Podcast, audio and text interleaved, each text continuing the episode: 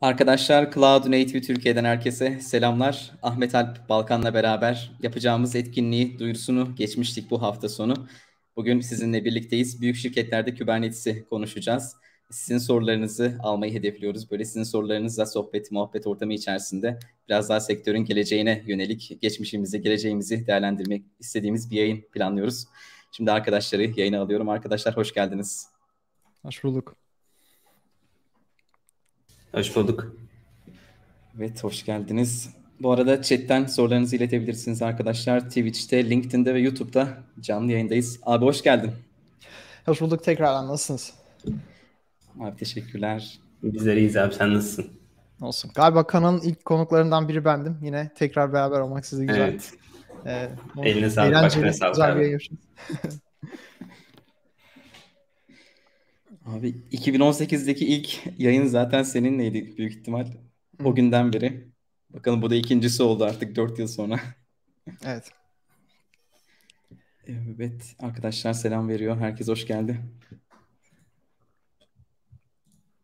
Ya Ahmet abiyle biz biraz önce konuşuyorduk da Ahmet abi dedik ki ne kadar çok soru olursa aslında o kadar çok interaktif şekilde ilerleriz. Hem de sorulara cevap oluruz niyetinde. O yüzden hem mümkün olduğu kadar komentten siz sorularınızı iletirsiniz. Biz de Ahmet abiye soruları iletmeye çalışacağız. Yani gün boyu. Onu da bilgilendirmiş olalım. Ahmet abi istiyorsan sen kafandaki planla ilgili bize e, ufak e, bir bahsedebilirsin. Hani ne yapmak istiyoruz, ne yapabiliriz, bugün neler konuşabiliriz vesaire. Biz de o şeyde paralelde sana bu soruları iletmeye çalışalım. Tamam. Ee, o zaman ben kendimi tanıtarak başlayayım. Ee, Ahmet Alp Balkan.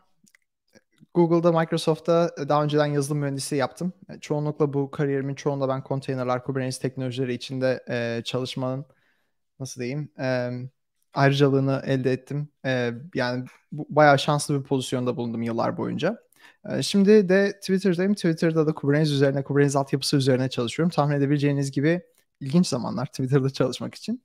E, o yüzden bugün size e, bugün aslında sizlerle konuşmak istediğim konular hani böyle sitelerden okuyacağınız konulardan ziyade ya da tutorial'lardan okuyacağınız konulardan ziyade e, biraz büyük şirketlerin bu konuya perspektifini vermek istiyorum. Şimdi ben de yıllarca Kubernetes'in geliştirici koltuğunda bulundum. Yani oturdum Google'da mesela Kubernetes'in şurasını nasıl yapıyoruz, burasını nasıl yaparız, işte GK'nin şurasını burasını nasıl yaparız e, diye senelerdir çalışıyorum ben. Ama son bir senedir Twitter'dayım ben de ve Twitter'da kullanıcı koltuğuna oturdum şimdi Kubernetes'in. Yani Kubernetes'i ben de sizler gibi kullanıcı gibi kullanmaya çalışıyorum artık. E, ve burada bu alanda işte büyük şirketler ne düşünüyor? E, bunlarla ilgili gözlemlerimi aktarmak isterim. Yani sizin sorularınızı cevaplamak istiyorum.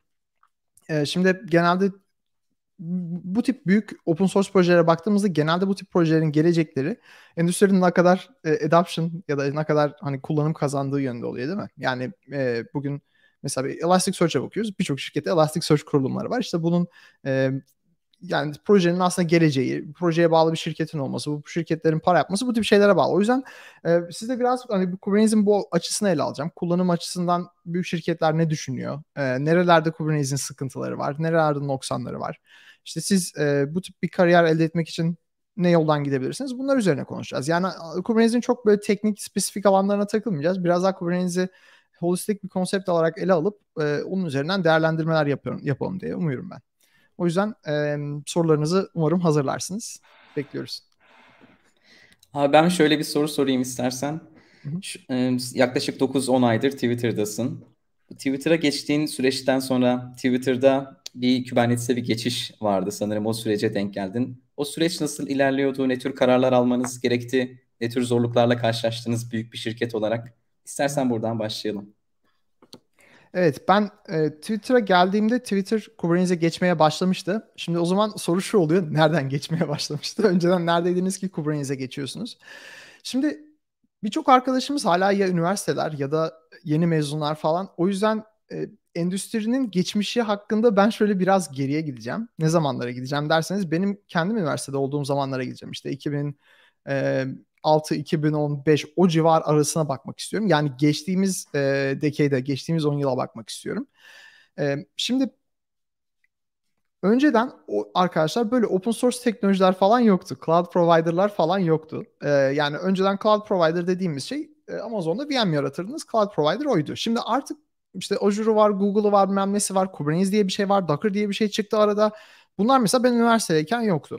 E, peki o zaman şunu soracaksınız. Yani önceden bu altyapı projelerini mesela open source'ta kim yapıyordu diye bir e, merak edebilirsiniz. Mesela bu meetup'ın adı Cloud Native Meetup.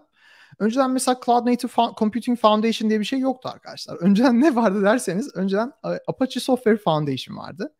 Ve Apache Software Foundation'ın içinde birçok altyapı projesi bulunuyordu. Yani bu projelerin, altyapı projelerinin birçoğu da e, zamanın altyapı üzerine en çok çalışan şirketleri olan işte Yahoo'dan ya da işte Twitter'dan falan geliyordu. E, şimdi bir önceki geçtiğimiz daha doğrusu e, dönemde yani geçtiğimiz 10 yıl önceden de önceden bahsediyorum işte o zamanlardan beri aslında bu tip şirketler kendi altyapılarını geliştiriyorlar. Çünkü Kubernetes yoktu. Adam Kubernetes olmayınca ne yapıyor? O zaman diyor ben Mesos diye bir şey geliştireyim diyor mesela. E, Apache Mesos'un mesela çıkış hikayesi de bir şekilde e, oradan geliyor aslında. E, galiba yanılmıyorsam Berkeley'de doktora tezini yapan birkaç kişi sonradan e, orada Mesos'un konseptini ortaya atıyorlar. Twitter'a katıyorlar ve Twitter'da e, implementasyonlarını yapıyorlar. Çeşitli frameworklerini falan implement ediyorlar Mesos'un. O yüzden Twitter'ın altyapısı çoğunlukla e, Mesos üzerinde çalışıyor. Yani bu sır değil. Bilinen e, bir şey bu. Hatta bugün büyük şirketlere, Apple'a falan baktığınızda da yine keza çok ciddi Mesos kurulumları var oralarda da. Yani yanılmıyorsam hatta e, Airbnb'sine kadar e, birçok hani Kubernetes olmadan başlayan şirketlerin çoğunda genelde bir Mesos kurulumu gibi bir şey mevcut. Yani o orada bir geçiş dönemi oldu. Ee, hatırlayanlar için işte 2013-2014 döneminde Kubernetes işte ne olacak, Mesos mu kazanacak, Kubernetes mi kazanacak diye bir şey e, bir muhabbet dönüyordu. O noktada Mesos zaten oturmuş bir projeydi. Yani hani Twitter'da ölçeğini kanıtlamış ya da büyük şirketlerde ölçeğini kanıtlamış bir e, scheduling orke, or, or, orchestrator framework'üydü o noktada Kubernetes daha yeni yeni çıkıyordu. Ya Google yeni ortaya atmış. DockerCon'a gitmişler orada bir şey sunmuşlar. Ne olduğu bilir. Siz yazan Java ile yazmışlar. Sonra silmişler bir daha Go ile yazmışlar. Yani ne olduğu karışık bir projeydi. Ben de öyle düşünüyordum açıkçası. Yıllarca ben de öyle düşündüm Kubernetes hakkında. Ama oturduktan sonra ve arkasına momentumu, topluluğu aldıktan sonra, öteki şirketleri de beraberinde Google getirdikten sonra e, inanılmaz bir şey oldu arkasında. Nasıl diyeyim? Bir e, hani buharlı tren gibi çuf çuf gitmeye başladı ve sonra kimse durduramadı zaten Kubernetes'i. O şekilde oldu. Şimdi e, Twitter'a ben katıldığımda zaten Kubernetes'e doğru biraz geçiş başlamıştı ama bu kısıtlı bir geçiş. Yani daha henüz e, desen ki Twitter'da Kubernetes'le ilgili ne aşamadasınız desen ben şöyle derim. E, Cloud'da Kubernetes'i bir miktar kullanıyoruz. Ama e, on-premise'de yani kendi data center'larımızda Kubernetes'e daha yeni yeni ufak ufak denemeler yapıyoruz. Yani bazı ufak tefek şeyleri geçiriyoruz ama e, ölçek olarak mesela hala Twitter'da birçok takım ya Mesos üzerine çalışıyor. Özellikle e, stateless uygulamalar. Genelde stateful uygulaması olan e, içerideki takımlar, örneğin database'leri çalıştıran takımlar, işte ne bileyim storage sistemlerini çalıştıran takımlar vesaire. Bunlar da genelde e, kendi makinalarını yönetiyorlar arkadaşlar. Yani şimdi kendi makinalarını yönetiyorlar derken e, ne kastediyoruz? Bildiğiniz data center'da makine var. Yani e, rack'te takılı kutu var. E, o kutuyu tabii ki yöneten alt tarafta bir hardware operasyonlarını yapan tabii data center takım var ama onun üzerinde yine ayrıca e, gidiyorsunuz siz mesela diyorsunuz ki ben bir tane makine istiyorum data center'dan. Size makine veriyorlar. Yani diyorlar ki al tamam ben makineyi ayarladım senin makinen bu diyorlar. Sen takım olarak hala o makineyi yönetiyorsun. Bildiğin fiziksel makine hiç VM falan da değil yani. Virtualization falan da yok. E, yani şu an Twitter'ın altyapısı tahmin edebileceğiniz gibi biraz hani başka bir dönemden kalma aslında. Yani eski zamanlardan kalma diye nitelendirebilirsiniz ama tabii ki faydaları da var bunun ama e, yavaşlatan yanları da var. Bu arada bu açıdan baktığınızda Google'dan falan da çok farklı değil. E, yani Google'daki muhtemelen en büyük fark e, yani Google'da çalıştığım için de oradan da biliyorum. Yani Google'da da yine workloadlar mesela siz google.com'a giriyorsunuz işte ya da Google Maps'e giriyorsunuz. O servisler de aslında bare metal üzerinde çalışan konteynerlardan serve ediliyor size. Onun bildiğiniz gibi Google'ın da Borg sistemi var içeride. Borg da aslında design olarak Mesos'a biraz daha yakın, Kubernetes'e de yakın. Ee, arada bir şey aslında, arada bir sistem o da. Ee, ama bunların detaylarına zamanla gireriz. Yani aslında demek istediğim şey burada Twitter için e, işin en denklemin en büyük kısımlarından birisi kendi data center'ınız olduğunda arkadaşlar matematik çok farklı değişiyor. Yani mesela örnek verelim Snapchat hiçbir zaman kendi data center'ını çalıştırmamış bir şirket. Her zaman cloud'da çalışan bir şirket. O şirket için tamamen cloud'da kalmak aslında mantıklı. Ama hiç daha önceden cloud'a gitmemiş bir şirket için bir anda cloud'a giderseniz şirketiniz muhtemelen batar. yani hem ya geçemezsiniz ya bir sürü şeye takılırsınız, uğraşırsınız. Gereksiz bir e, migration yapmış olursunuz. Hem de muhtemelen işin matematiği, finansal açıdan mantıksız bir yerde bulursunuz kendinizi. E, mesela Facebook için falan da geçer yani. Facebook'un herhalde dünyada kaç 6-7 tane en azından data center belki 10 tane falan data center vardır şu aşamada. Ya Facebook o data center'ları bırakıp şey yapmaz. Hiçbir zaman ben hadi cloud'a gidiyorum bye bye GK'ye ya da AWS'e gideceğim falan demez yani durduk yere. E, çünkü matematik açısından, işin finansal açısı açısından e, sizin hala aldığınız, kendi yönettiğiniz donanım daha ucuza gelebiliyor. Yani öyle ilginç de bir hesabı var bunun. O zaman e, sizden sorulara geçelim şimdi. Biraz ben böyle bir giriş yaptım. Umarım ortamı anlatabilmişimdir. Yani kendi içinde çalıştığım ve düşündüğüm ortamı anlatabilmişimdir. Evet abi ağzına sağlık. Sanki bir tane soru var gibi. Ee, onu da Abdülgafur sormuş. Abi demiş ki e, Kubernetes'in kullanım ve öğrenim zorunun nasıl aşılabileceğini düşünüyorsunuz? Evet güzel soru. Um, şimdi Kubernetes'i ben arkadaşlar şeye benzetiyorum. Um, hani karanlık odaya 10 tane adamı salmışsınız. Odada bir tane fil var. Herkes farklı bir tarafını tutuyor filin ama herkesin farklı bir yerini tuttuğu için fili farklı tanımlıyor ya. Şimdi Kubernetes de o yüzden herkes için aslında çok farklı. Mesela Batuhan atıyorum Trendyol'da Kubernetes kullanıyor. Ben Twitter'da Kubernetes kullanıyorum.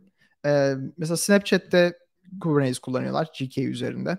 Ee, ya da işte ne bileyim mesela Microsoft'ta Azure takımının Kubernetes takımında çalışan bir engineer de Kubernetes kullanıyor. Aslında Kubernetes'e geliştirme yapıyor değil mi? Ee, ya da diyelim AWS'in IAM servisinde ya da işte storage servisinde Kubernetes'le entegrasyon kuran birisi de e, Kubernetes üzerine çalışıyor.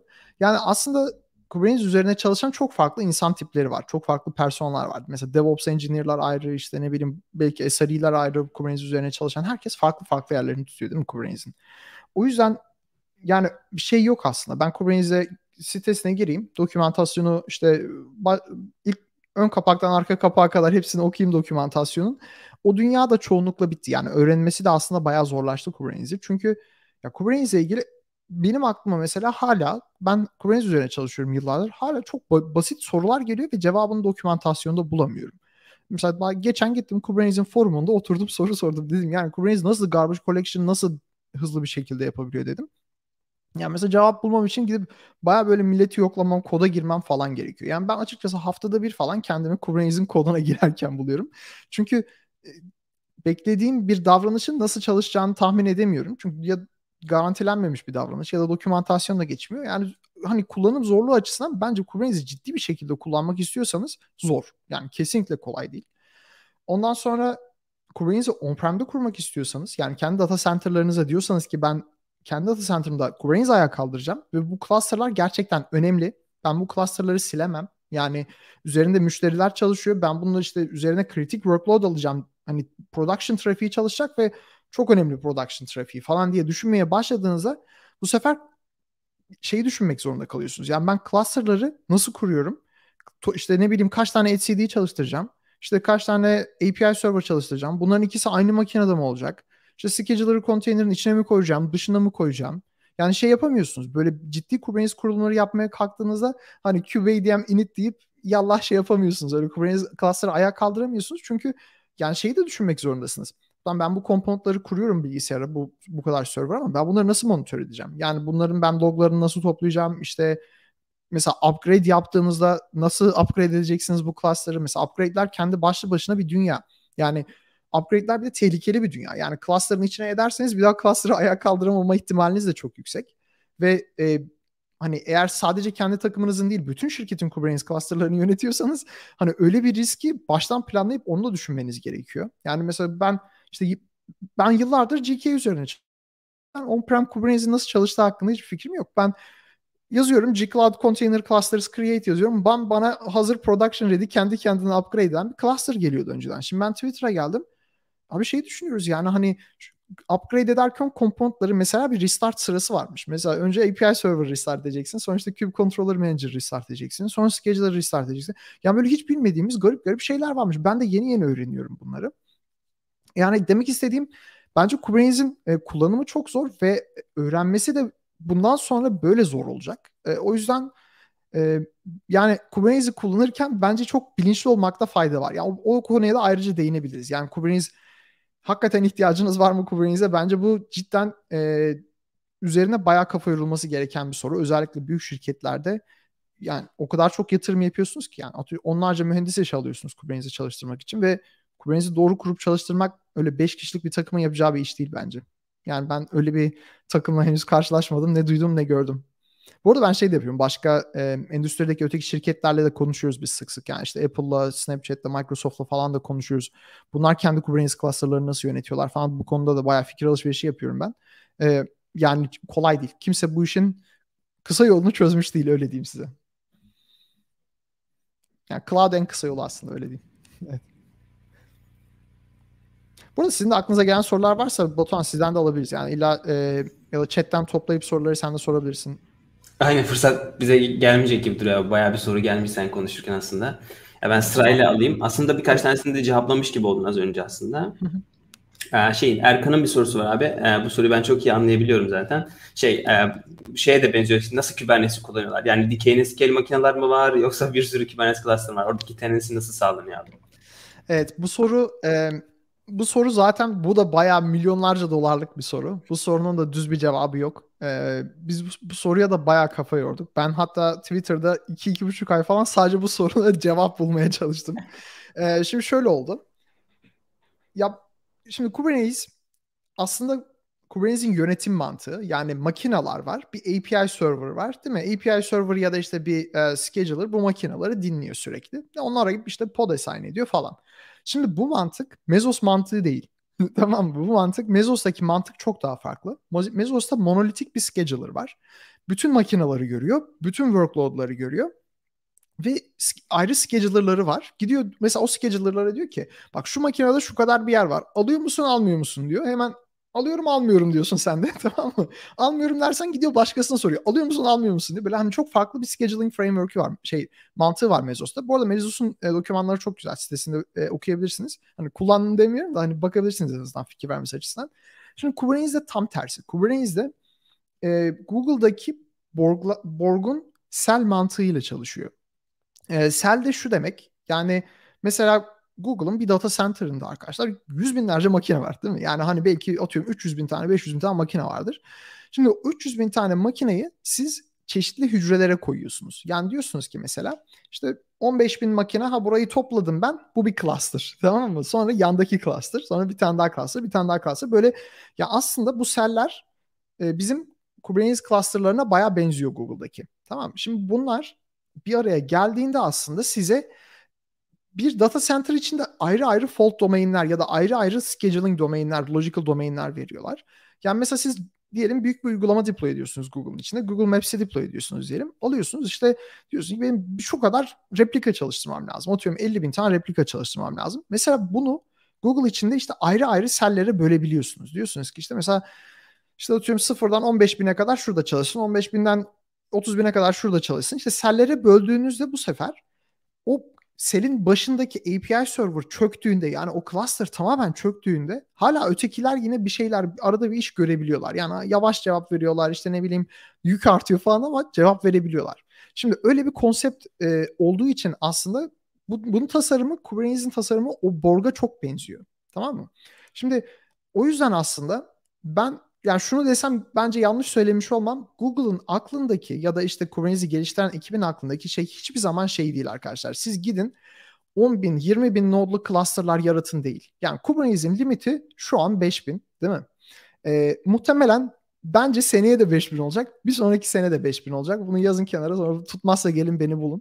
Ee, bence Kubernetes'in yani limiti, teknik limitinden ziyade mental ya da mantıksal limiti bu. Yani siz diyorsanız ki benim 50 bin tane makinen var. O zaman ondan 10 tane cluster yaratacaksın ve 10 tane cluster'a ayrı ayrı deployment yapacaksın. E, bunlar arasındaki tabii network'ü falan nasıl kuracağın sana kalmış bir konu. Ama e, biz şunu düşündük. Yani bizim için içeride şeyin e, nasıl diyeyim bir cluster'ın patlaması büyük bir olay olmamalı. Yani bir cluster bozulursa ki bozulacak yani. Bunun kaçarı yok. Bir upgrade yapacaksınız kafa yiyecek o cluster. Onu geri getiremeyeceksiniz. Yani o düşüneceksin şimdi. Diyeceksin ki tamam bu cluster var. Cluster'ın içinde şu şu şu müşteriler var ya da işte karışık ne olduğu belirsiz bir çorba var içinde tamam mı? Yani o cluster patladığında kendine şunu soracaksın. Diyeceksin ki ben bu cluster'ı iki haftada belki tamir ederim ama ben onu silip yerine yeni cluster yaratsam her şeyi oraya aktarsam acaba daha kısa sürede bu problemi çözebilir miyim diyeceksin. Ve hani şirkette bir sıkıntı yaratan, bir production'ı bozan bir durum varsa muhtemelen gidip onu yapacaksın değil mi? Cluster'ı oturup tamir etmekle uğraşmayacaksın. Şimdi o yüzden aslında işte multi-cluster bayağı mantıklı. Ama multi-cluster'a baktığınızda da Kubernetes ekosisteminde doğru düzgün hani desteklenen hiçbir approach yok. Yani e, Kubernetes'in Kubernetes projesinin kendi içinde federasyon dediğimiz, federation dediğimiz bir sürü efor başladı. Hatırlarsanız KubeFed diye bir şey başlamıştı ta yıllar önce. Tutmadı, sildiler. Şimdi KubeFed V2 yapıyorlar. E, implementasyon yok gibi bir şey. Konsept var sadece ortada bir tane. Sonra bazı startuplar var. Admiralty var. Kar, neydi? Karmada mıydı? Karmada var. E, Elotal var. Bunlar almışlar mesela. Kendilerince farklı farklı şekillerde e, farklı mimarilerde bir şekilde birden fazla cluster'ı birleştirip tek cluster'mış gibi göstermeye çalışıyorlar. İşte ama biz e, şunu anlamaya çalıştık bir, bir süre. Yani bu mantıklı bir şey mi? Buna yatırım yapmaya değer mi? Çünkü bu yani cluster'ları birleştirip tek cluster gibi gösteren sistemlerin kendileri de e, failure'a çok açık. Bozulmaya çok açık. Ve bozulduğu zaman yani oturup beyin cerrahisi yapman lazım üzerinde ve düzeltemezsin. Yani hani böyle sistemler kullanmaktansa biz hala şeyi düşünüyoruz. Yani bir hani üst level'da diyelim ki işte Borg'daki seller gibi bizim de böyle sellerimiz var. Tamam mı? Mesela işte şu data center'da A data center'ında sel 1, sel 2 şeklinde hücrelerimiz var diyelim. Bu e, hücrelerin içine siz gidin scheduling yapın. Yani böyle bir şey mi offer edelim ya da işte kendi içerideki yine müşterilerimize Twitter'da üzere bir tane layer koyalım. Sen yolluyorsun konteynerini o çalıştırıyor. Sen kafaya takmıyorsun. Yani Binali Yıldırım'ın dediği gibi cloud gibi atıyorsun. O çalışıyor orada. Yani öyle bir şey mi yapalım? Biz hala bunun tasarımını yapıyoruz. Belki önümüzdeki sene implementation adına bir şeyler yapmayı deneyebiliriz ama belirsiz. Yani bu e, işin uzun sorunun kısa cevabı şu şekilde olsun. E, daha doğrusu kısa sorulara çok uzun bir cevap verdim. O zaman biraz daha kısa bir cevap vermeye çalışayım. Bence clusterları büyütmeye çalışmayın. Kubernetes'in ölçeklenebilirlik limitlerine yaklaşmaya çalışmayın. Risk alıyorsunuz. Bence değerli bir risk değil. E, 3-5 kuruş için de değecek bir risk değil. Zaten 5000 makine yönetebiliyorsa 3 tane makine gidin bir tane daha cluster yaratın. 3 makine daha 5000 e, node'u daha yönetir yani. O şekilde düşünüyorum. Ama soru çok güzel. Teşekkür ediyoruz Erkan'a. Te- teşekkürler. Abi bir soru. Bora'nın bir sorusu var istersen Twitter'la ilgili onu ekrana getiriyorum. Hı. Twitter neden bir cloud provider tercih etmiyor? Kendi sistemlerini yönetmeyi tercih ediyor. Sadece bunun sebebi cost mu? diye bir soru gelmiş Boran'dan. Evet. Ee, ana sebebi cost. Yani siz mesela şey yaptıysanız kendi data center'ınızı yönetiyorsanız ve geçen sene data center'a yüz binlerce yeni makine aldıysanız o makineleri gitti gidiyor da satamayacağınıza göre e, o makineler elinizde kalıyor. O yüzden o makineleri önce bir kullanmanız, eskitmeniz, harcatmanız, harcamanız daha mantıklı oluyor şu açıdan. Yani o tabii ki ona şey deniyor. Sunk cost fallacy deniyor artık. E, batmış masraf yani.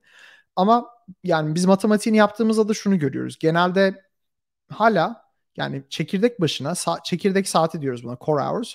Ee, mesela bir çekirdeği bir saat çalıştırmanın masrafı nedir diye baktığımızda yani bizim için cloud birkaç kat daha pahalı. Yani eminim siz kendi data center'ınızı çalıştırdığınızda sizin için de öyledir. Birkaç kat daha pahalıya geliyor. Ya ama cloud'da başlayan şirketler yok mu? Mesela Netflix cloud'daydı işte ne bileyim hala cloud'da hatta bir sürü şeyi.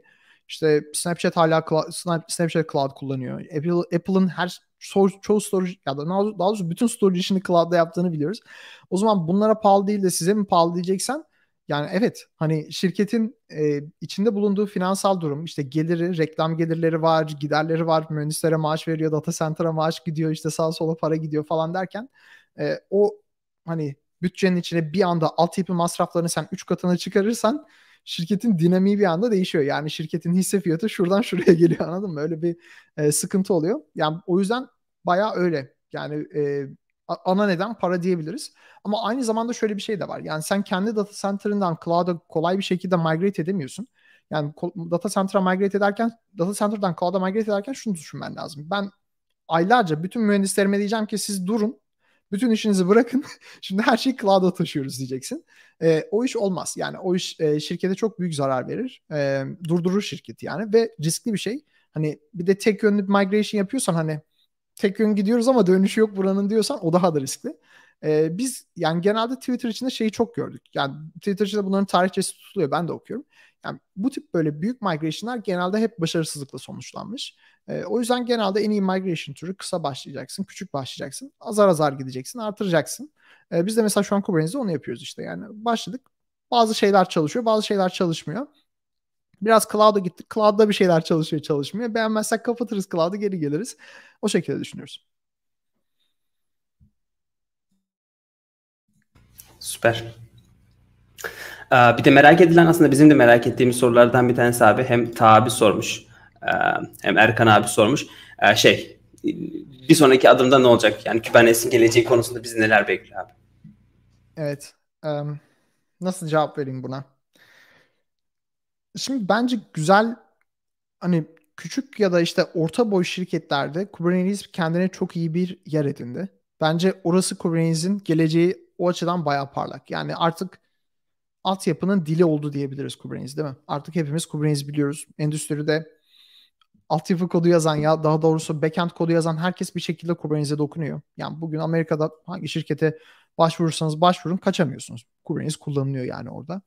Ee, şimdi o Kubernetes açısından çok iyi bir şey. Ama büyük şirketlerde Kubernetes'in geleceği bence hala belirsiz. Yani ben çok büyük şirketlerin Kubernetes'e geçmeye çalıştığını gördüm. Biz takip ediyoruz yani. Hani fikir alışverişi olsun diye öteki şirketlerle de konuşuyoruz. Yani sınırsız parası olan şirketlerin başarısız olduğunu görüyoruz burada. Yani o, olmuyor. Yani kuramıyorlar. Hani kuramıyorlar değil teknik açıdan ayağa kaldıramıyorlar değil. Kaldırıyorlar yönetemiyorlar. Ya da yönetiyorlar çok kişi gerektiriyor. Ya da işte e, adam bulamıyorlar işte çok kişilik takımlara. Ya da yani çalışacak kişi bulamıyorlar. E, talent eksikliği var gerçek işi bilen kişi eksikliği bu arada yani Kubernetes alanında hala çok bariz açık. Bu arada şeyden de bahsetmiyorum. Hani işte ben Certified Kubernetes Administrator sertifikasını aldım. O değil. Hani o daha başka bir konu. Gerçekten Kubernetes üzerine yazılım geliştirip yani hani şey yazılımı değil. Business yazılımı yani işte uygulamayı değil. Kubernetes'in etrafına işte gereken controller'ları yazabilecek, gereken tasarımları yapabilecek. İşte mesela multi-cluster setup kurulacaksa onun üzerine multi-cluster federation layer'ını yazabilecek e, insan sayısı şu an endüstride inanılmaz minimal. E, bir ara çok kişi vardı, kayboldular. Nereye kayboldular ben de bilmiyorum. Ben de arıyorum o kişileri takım almak için ama e, o yüzden yani büyük şirketlerde Kubernetes geleceğinde teknik açıdan sıkıntılar da görüyoruz. Yani e, biz mesela hala düşünüyoruz açıkçası. Hiç geçmesek mi Kubernetes'e? Mezos'la mı kalsak sonsuza kadar diye düşünüyoruz. Çünkü yani bu arada Mezos ölü bir proje arkadaşlar. Yani hani artık commit falan yok. Mezos Apache'nin sitesine girin. Üstte kırmızıyla yazıyor. Bu proje bitti yazıyor artık yani hani terk ettik biz bu projeyi yazıyor. Şeye kaldırmışlar. Çatı ara tavan arasına kaldırmışlar projeyi. Öyle bir proje. Ee, ama ona rağmen yani biz artı başka şirketler hala düşünüyoruz. Yani hani acaba şey mi yapsak? Belki bir küçük bir grup oluştursak biz hala Mezos'u maintain etmeye devam etsek mi diye ama yani durum öyle bir hal almış ki çoğu açıdan eski yok olmuş bir yazılımın forkunu maintain etmek hala Kubernetes'i kurmaktan ve yönetmekten daha kolaya ve anlaşılabilir bir şekilde gelebiliyor. Şimdi e, şöyle düşünelim. Kubernetes size ne veriyor günün sonunda? Bence bu soruyu sormak inanılmaz önemli. Yani Kubernetes'den ne alıyorsunuz siz değil mi? Mesela ben kendi başıma Kubernetes kullanıyor olsam, benim kendi mesela e, küçük bir yazılım firmam olsa ne yapıyorum? Ne yapıyorum derim. İşte ben gidiyorum cloud'a, tıklıyorum, Kubernetes'i alıyorum. Benim makinalarımı yönetiyor, load balancerlarımı hallediyor. İşte secretlarımı mount ediyor. Hiç ben öteki şeylerle uğraşmıyorum. Kendi restart ediyor, reschedule ediyor. Eyvallah tamam derim değil mi? Şimdi mesela şeyi düşünün, Uber'i düşünün mesela. Uber'de benzer bir background'dan geliyor. Uber'de de mesela Uber'de de Mezos kullanıyorlar. Tamam mı? Çok, da, onların da bayağı büyük bir footprint var ve onlar da cloud'a alerjik bir şirket. Onlar da cloud sevmiyor.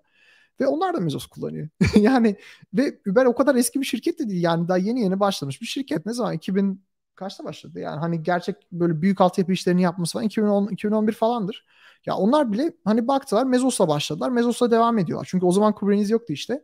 Ve onlar da mesela deniyorlar Kubernetes'i onlar da memnun değiller. Yani şeye bakıyorlar mesela işte şimdi diyorlar ki Kubernetes'in her şeyini kapatalım biz. Sadece scheduling açık kalsın tamam mı? Hani böyle şeyler farklı modlar deniyorlar. Çünkü ya biz, bizim elimizde mesela Kubernetes defalarca patladı. Hem de yani acınası durumlarda patladı. Yani öyle böyle değil. Mesela hani şey vardır. Size şu, şu örneği vereyim. Mesela bugün şeye gidin. Kubernetes'in e, ölçeklenebilirlik grubu var. Six Scalability diye bir grup var. Onların reposuna girin.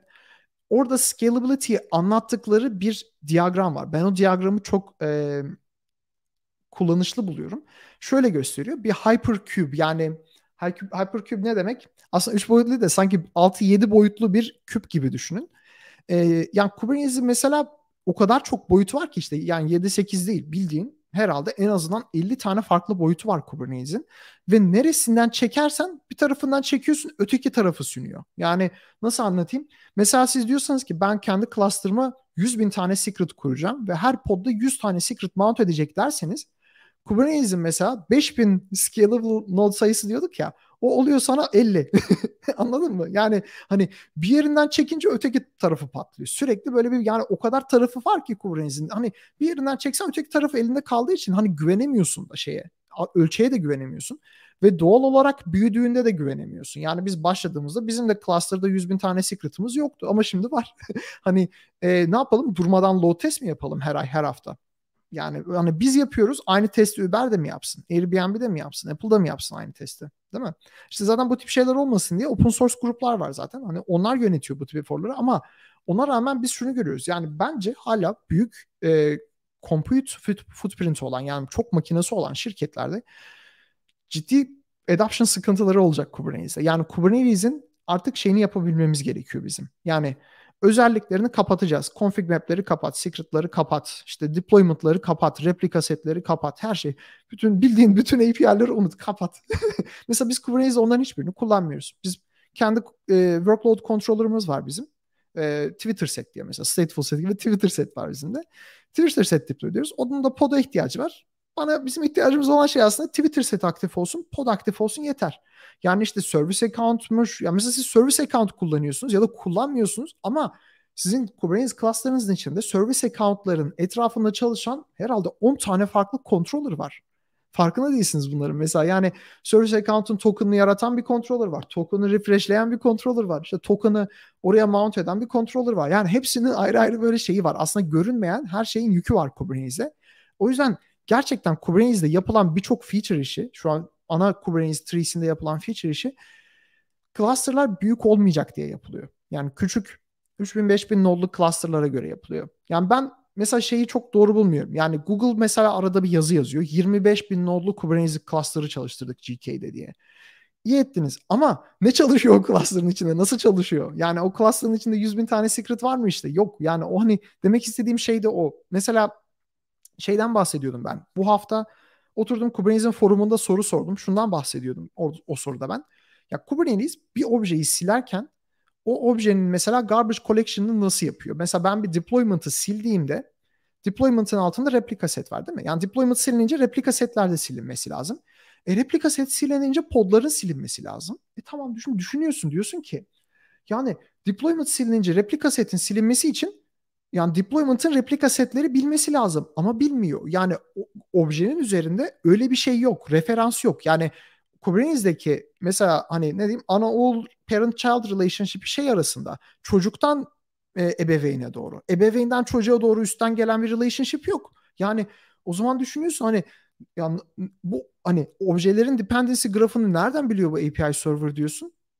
Yani meğersem ne yapıyormuş API server arkadaşlar? Bütün objeleri cluster'daki bütün her bir objeyi tarıyormuş. Hepsini tek tek farkında bütün obje türleri üzerinde watch maintain edip in memory bir graf, grafa atıyormuş. Graftan siliyormuş. Yani e bu ne demek? Yani sizin 100 bin tane secret'ınız olursa ya da 100 bin tane 500 bin tane podunuz olursa o cluster'ın içinde o API server'ın ayağa kalkması yani ikindiyi bulur. Öyle olur yani bu işler. hani işte bunları sormadığı için insanlar hala bence Kubernetes'in alttaki inherent risklerinin farkında değiller. Ama kullandıkça anlıyorsunuz ki Kubernetes aslında o kadar da hani şey bir şey değilmiş. Ee, yani o kadar da matah bir şey değil ama dediğim gibi küçük ölçeklerde değil. O yüzden bence ben Kubernetes'in sonrası için şunu bekliyorum. Ee, özelliklerini yani bayağı ciddi bir şekilde kapatabildiğimiz, her özelliğini tık tık tık tık tık kapatabildiğimiz, daha kolay deploy edilebilen, daha az parçası olan, yani böyle controller manager'ı ayrı, scheduler'ı ayrı değil. tek bir parça tamam mı? Yani belki bir master bir de node o kadar. Başka bir şey yok. etcd falan içinde gelsin. Abi umurumda değil benim yani. etcd'si nerede geliyor falan. Ee, böyle bir Kubernetes bekliyorum ben. Yani benim komüniteden isteğim bu. Daha önce denemeler oldu bu konuda ama onlar da çoğunlukla başarısız oldular. Evet. Ağzına sağlık abi. Gene çok soru var aslında. Bir tane seçelim gene. Ben aslında böyle benzer sorular da sorulmuş falan. Ee, şey Furkan'ın bir tane sorusu güzel gibi. Alalım. Onu ekrana getireyim aynen. Abi şey demiş Twitter'da Kubernetes geçişi için roadmap planlamasını nasıl yaptınız? İhtiyaç analizini neye göre çıkarttınız? Kısa ve uzun vadede sizi challenge edecek taslarınız neler olacak demiş.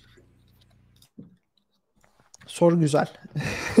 Şimdi şöyle başlayalım. Bizim e, ya Twitter'daki biraz büyük problemlerimizden bir tanesi şu. İnsanlar biz takımlara makineler veriyoruz dedik ya. Yani mesela sen storage takımısın.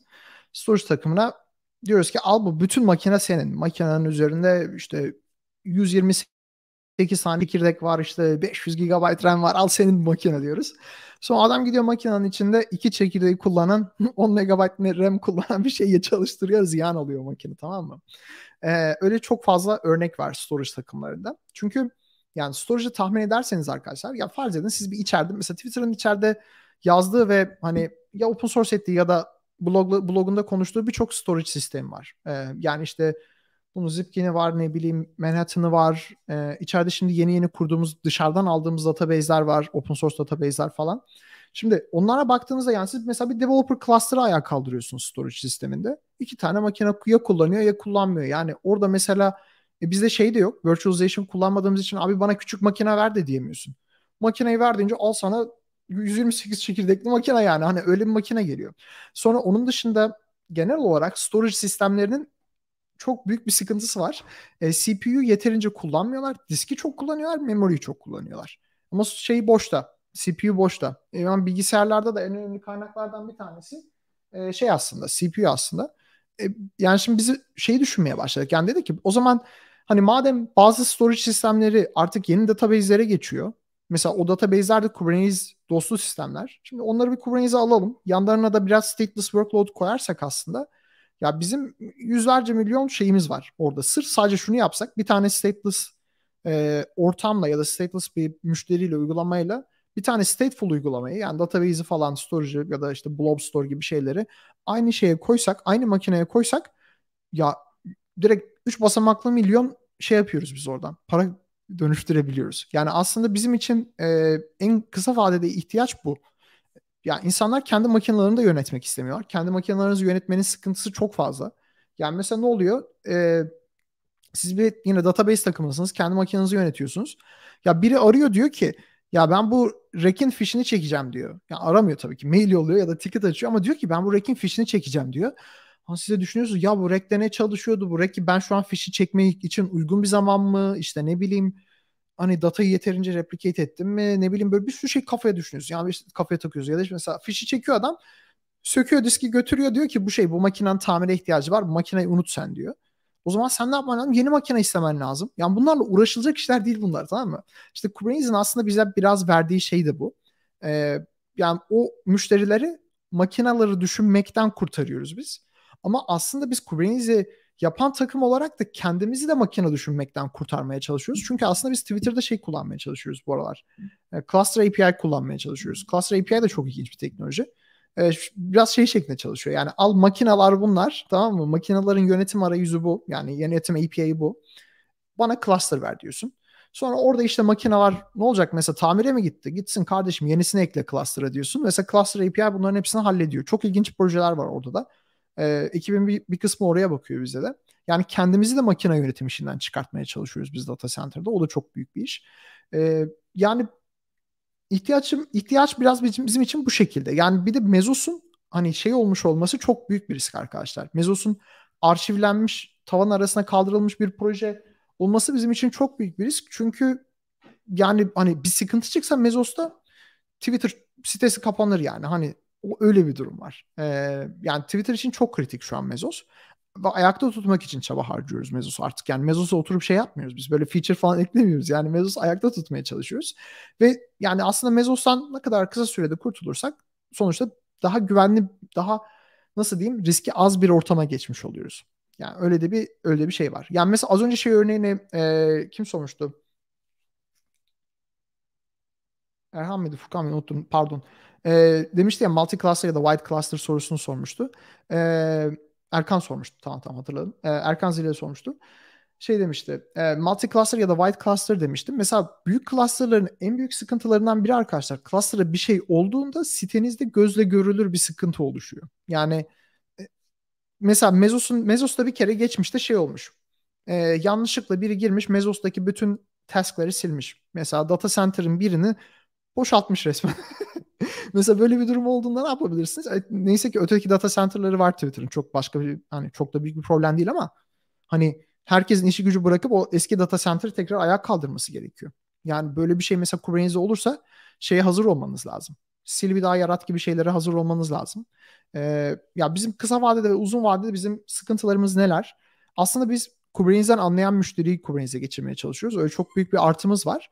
Ama on-prem bizim için çok zor bir şey. Yani ne kadar uğraşarsak uğraşalım yeterince on-prem yönetebilecek bir e, yetenek seviyesi hala endüstride şey yok e, oluşmuş ve nasıl diyeyim mature olmuş değil yani olgunlaşmış değil o, o yetenek öyle diyeyim. Evet. Başka soru alalım. Süper abi ağzına sağlık tekrardan. Ee, sanki şey database'lerle ilgili birkaç tane soru geliyor gibi. Evet alalım. Tamamdır. Hemen yansıtıyorum ekrana. Ee, Mesut sormuş. Paralelde de bir arkadaş da aynı soruyu sormuştu. Ee, o da Mustafa. Ee, şey demiş abi. Prod ortamlar için veri tabanlarınızı Kubernetes klasının içine mi kullandırıyorsunuz? Böylesi nasıl bir çözümünüz var demişler. Evet. Ya şu an Twitter'da dediğim gibi Kubernetes daha yeni başlıyor. O yüzden hani production database falan pek yok. Ee, yani genel olarak zaten hani bir yerde siz ya production'da sadece production'da Kubernetes kullanıyoruz diye bir şey olmaz. Kubernetes kullanıyorsanız yani da deviniz de Kubernetes olmalı. Staging'iniz de Kubernetes olmalı. Production'ınız da e, Kubernetes olmalı. O yüzden her yerde Kubernetes kullanmaya çalışıyoruz. Yani data, database geliştiren takımlar mesela Kubernetes üzerinde her şeyi Kubernetes'de kullanmaya çalışıyorlar. Öyle diyelim. Tamam. Abi bir de genel olarak e, on-prem Kubernetes distribution'ları ile ilgili sorular var. Antos, OpenShift, oh. Azure Arc. Yani bunların geleceğini nasıl görüyorsun? Bunlar aslında bizim işimizi kolaylaştırıyor mu? Bu anlamda genel birkaç soru var istersen böyle toparlayabiliriz. Evet, şöyle yapalım. Yani mesela ben Google'da çalıştım ama Google'ın Entos'a güveniyor musun desem şey demem, pozitif şeyler diyemem. Çünkü nasıl diyeyim? Ya Google'ın genel olarak ürün şeylerinde bir şey var. Ee, ürün geliştirdiği ve develop ettiği ürünlerde genel olarak bir e, güven problemi var, değil mi? E, bu aslında yani parayı veren düğü çalar olayı var aslında ama on-prem'de bence başka bir şirkete özellikle open source bir teknoloji kullanırken başka bir şirkete bağımlı olmak bence çok akıl işi bir fikir değil. Ee, yani bir yere kadar okey ama bir yerden sonra bence şey hani kendi siteinizin kontrolü sizde olması daha faydalı. Ee, o yüzden ben şey diye düşünüyorum. Yani hani gidip cloud providerlarıyla on-prem'de iş yapmak yerine ya da mesela open source Kubernetes distroları veren şirketler var. İşte Talos falan var. Onlarla işler yapmak yerine kendi geleceğinizi belirlemek, kendi geleceğinizi elinizde tutmak biraz daha mantıklı geliyor bana. Yani Mesela bundan 10 yıl önce ne Google vardı ne Azure vardı değil mi? Ee, ama mesela Twitter 10 sene daha burada olacaksa şeyi düşünmemiz lazım bizim. Yani 10 sene sonra Azure burada olacak mı? İşte e, AWS burada olacak mı? Yani onlar yine olur ama o ürünler ortada olacak mı? Buna bakmamız gerekiyor. Yani Entos falan doğası gereği mesela yani tıklayıp kullanabildiğim bir şey değil. Source kodunu göremiyorsun. Tamamen enterprise bir ürün.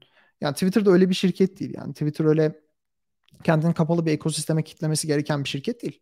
Yani yani şey gereği nasıl diyeyim bulunduğu konum gereği gerekiyorsa biz yazalım Entos'u yani öyle bir hani öyle bir ihtiyaç varsa biz yapalım öyle oluyor zaten.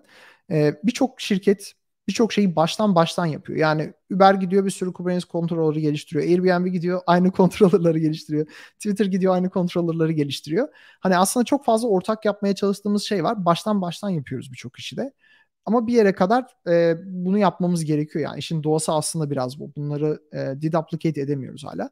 Aslında bence orada bayağı büyük e, şey var. Business fikri yok ama bayağı open source fikir var orada. Yani e, şeyi düşünün. Nasıl diyeyim? Mesela Spotify mıydı? Backstage diye bir tane e, şey kurmuştu. Ve bir open source çözüm e, duyurmuşlardı yanılmıyorsam arayüz için. Kubernetes arayüzü yapıyorlardı. İşte mesela öyle bir şey bayağı mantıklı aslında. Yani Backstage'i mesela biz alıp Twitter'da kurabiliriz. Başarılı bir proje çünkü. Yani nasıl çalıştığını anlıyoruz. Open source. Hani çok kritik bir şey de değil. Alıp kuralım, kullanalım yani. Öyle bir şey, öyle fikirlere açığız yani aslında. Öyle diyeyim. Süper abi. Aslında yine Erkan'ın bir tane sorusu var. O benim de merak ettiğim sorulardan bir tanesi de ben o yüzden onu yansıtacağım next olarak ama belki hani şey henüz şey olmayabilir hani adaptasyon çok fazla olmadığı için evet. Kubernetes tarafında hani bu config erişimleri, registry vesaire onlar nasıl yönetiliyor acaba diye. Evet. Şimdi Erkan'ın sorusunu tersten okuyacağım. Kubectl aslında çok önemli bir şey değil arkadaşlar. Kubectl'in önemli olmaması lazım. Yani çünkü kubectl'in içinde eğer secret taşıyorsanız orada bir sıkıntı vardır. Ee, o yüzden hani bence kubectl'in gerçekten secret olduğu durum hakikaten cluster'ın admin credential'larının bildiğin yani hani admin credential öyle bir şey ki Kubernete'de revoke edemiyorsun o credential'ı. Yani bir kere yaratıyorsun sonsuza kadar o credential o cluster'ı yönetebiliyor neredeyse öyle bir şey var. Ee, neyse şimdi o bir yana biz mesela ne yapıyoruz dersen bizim içeride şirket genel bir authorization e, şeyimiz var, sistemimiz var. Bütün çoğu şirkette de aslında bu vardır. Yani mesela e, siz mesela Trendyol'da ne kullanıyorsunuz? Okta falan kullanıyor musunuz? Bilmiyorum gerçi de. Ee, mesela Cloudflare kullananlar var, Okta kullananlar var. Siz ne kullanıyorsunuz? Var mı öyle bir şey? Abi, genel Kubernetes tarafı için mi soruyorsun? Kubernetes Yok. erişimlerini güvenlerden Aslında için. iç, iç sitelere girmek için, içerideki intranetteki sitelere girmek için. Yani authorization tarafında ne var ben de bilmiyorum. Paralelde başka uygulamalar kullanılabilir. Evet, Ama biz sadece mesela... Kubernetes erişimleri için DEX falan bakmıştık. Bir şey e, yazılımı vardı ya e, yanılmıyorsam evet. Amazon bir tane blok yazmış DEX, DEX ve Gangway diye bir tane iki tane proje. Aynen aynen öyle. Yani biz de mesela onun gibi bir şey yaptık. Biz içeride e, lanet olası bir şey kullanıyoruz arkadaşlar. Adı Kerberos. Bilmem hiç aranızda Kerberos e, kullananlar oldu mu? Kerberos Allah'ın belası bir şey. e, biz mesela ne yaptık ama? E, Kubernetes'in önüne bir tane Kerberos proxy'si yazdık. Ne yapıyor derseniz işte kullanıcıların Kerberos tokenlarını alıyor. Kullanıcıları authenticate ediyor cluster'lara. Hem audit log topluyoruz kim ne yapmış cluster'larda diye. Hem de kube config'imiz inanılmaz basit. Yani server'ın adresi var. Sonra git diyor şu programı çalıştır. O programdan token al diyor o kadar. Yani e, hani Kubernetes'in exec pluginlerini kullanıyoruz authentication için. E, authorization da mesela şey yapıyoruz. Kendimiz yapıyoruz. Yani işte her kullanıcının bir namespace'i var. Onlar kendi namespace'lerine o şekilde LDAP gruplarından falan erişim e, elde edebiliyorlar. Ama mesela şeyle de yapabilirsiniz bunu. İşte Okta falan da bu tip şeyleri destekliyor aslında. E, yani Okta ile mesela bir OIDC programı yaratıp o programı gayet Kubernetes'e client pro, şey, token provider olarak ayarlayabilirsiniz kubectl'e. Şey benim bir tane sorum olacak abi şey. E, ben şeyi merak ediyorum. Şimdi biz mesela atıyorum e, operatörler geliştiriyoruz, ne bileyim webhook'lar geliştiriyoruz, farklı farklı Kubernetes komponentleri geliştiriyoruz ya. Şimdi bunları direkt production ortamı ilerletmek aslında riskli bir operasyon. Çünkü bunların bayağı bir e, yetkileri veya da dokun diğerleri kritik. O yüzden şimdi bizim bunları bir şekilde test etmemiz lazım. Bizim bunları test edebilmemiz için de böyle ephemeral ortamlara ayağa kaldırmamız belki güzel bir e, yaklaşım olabilir. Burada da virtual cluster gibi muhabbetler falan filan var. Hani V-cluster komponenti var. Geçen işte Loft'un duyurduğu işte. İşte o, o araçlarda bir tecrüben var mı? Kullandınız mı test ortamları için vesaire? Dediğin doğru. Ee, bizim en büyük yaşadığımız sıkıntılardan bir tanesi e, webhook'lar Kubernetes'in production e, ya da availability'si için çok büyük risk. Yani böyle sen oturuyorsun Kubernetes diye milyonlarca dolarlık işte ne on milyonlarca dolar yüzlerce milyon dolar para harcıyorsun Kubernetes'i yapacağız diye. En sonunda bir tane webhook diye bir şey var. Herkese izin veriyorsun. Webhook diye bir şey ayağa kaldırıyorlar. Sonra webhook patlıyor. Bütün cluster patlıyor. yani e, tam bence şeyler webhooklar ya da işte böyle genelde admission controller'lar Kubernetes'in şeyi diyebiliriz. E, yani Achilles heel'ı derler ya. O diyebiliriz. E, onun dışında bence bu tip şeyleri test etmek için yani bir ayrı bir cluster yaratmak dışında daha iyi bir çözüm ben göremiyorum. Yani mesela bizim de var. Dev clusterlarımız var. Bir şey production'a gitmeden oraya gidiyor ki oraya bir patlasın görelim. Patlıyorsa ondan sonra öteki tarafa promote edelim diye. Ee, yani bunun da tabii ki şeyleri var. Mesela bizim için dev cluster yaratmak o kadar kolay değil. Mesela ben şey diyemiyorum. Merhaba benim adım Ahmet ben cluster istiyorum diyemiyorum. Mesela bizim şu an içinde bulunduğumuz durumdan ötürü yeni bir cluster ayağa kalkmak, ayağa kaldırmak haftalar alabiliyor. Ee, yani biri oturup bildiğin bir sürü komut çalıştıracak. İşte Puppet şeyleri run edecek, runbook'ları falan run edecek.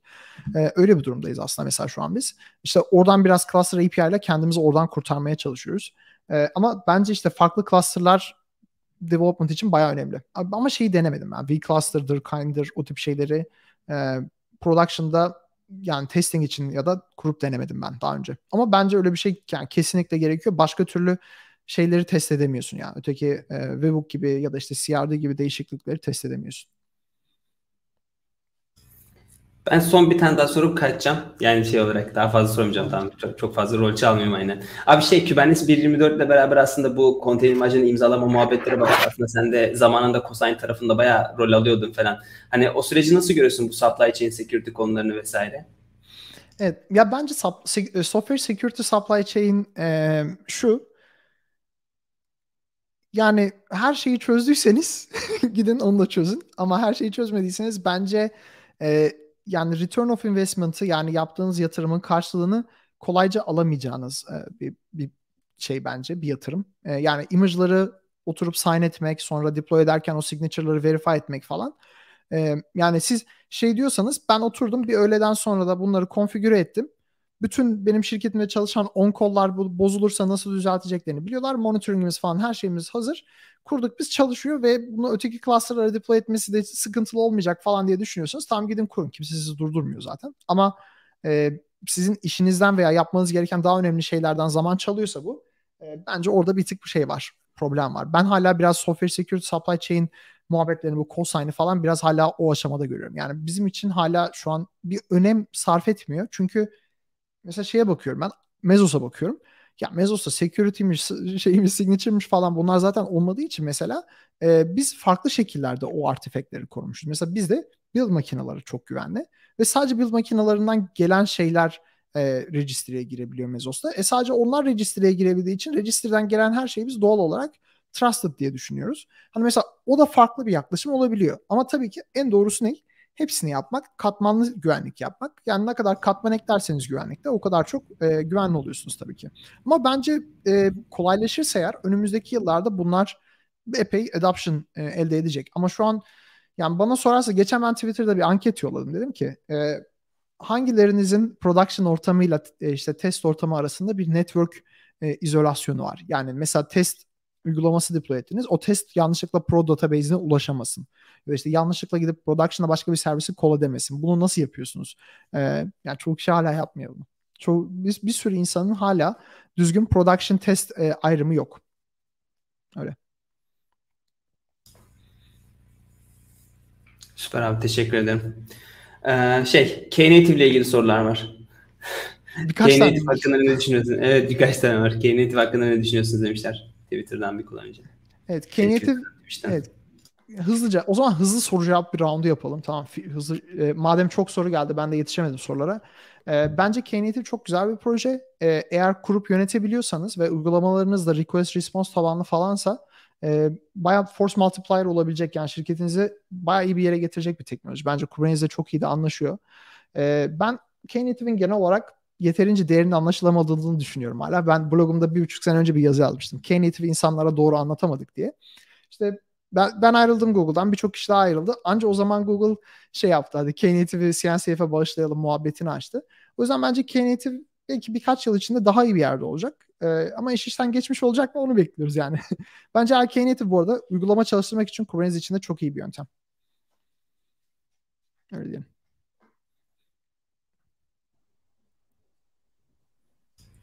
Tamam hemen bir tane daha soru yansıtayım. Gene aslında distrolus falan filan sormuşlar ama şey şu belki daha önemli bir soru olabilir önce cevaplamamız gereken. Sen servis mesh teknolojileri konusu.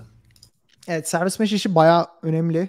Ee, biz içimiz içinde bulunduğumuz hibrit yapıdan ötürü mesh kullanamıyoruz. Yani e, şöyle anlatayım size.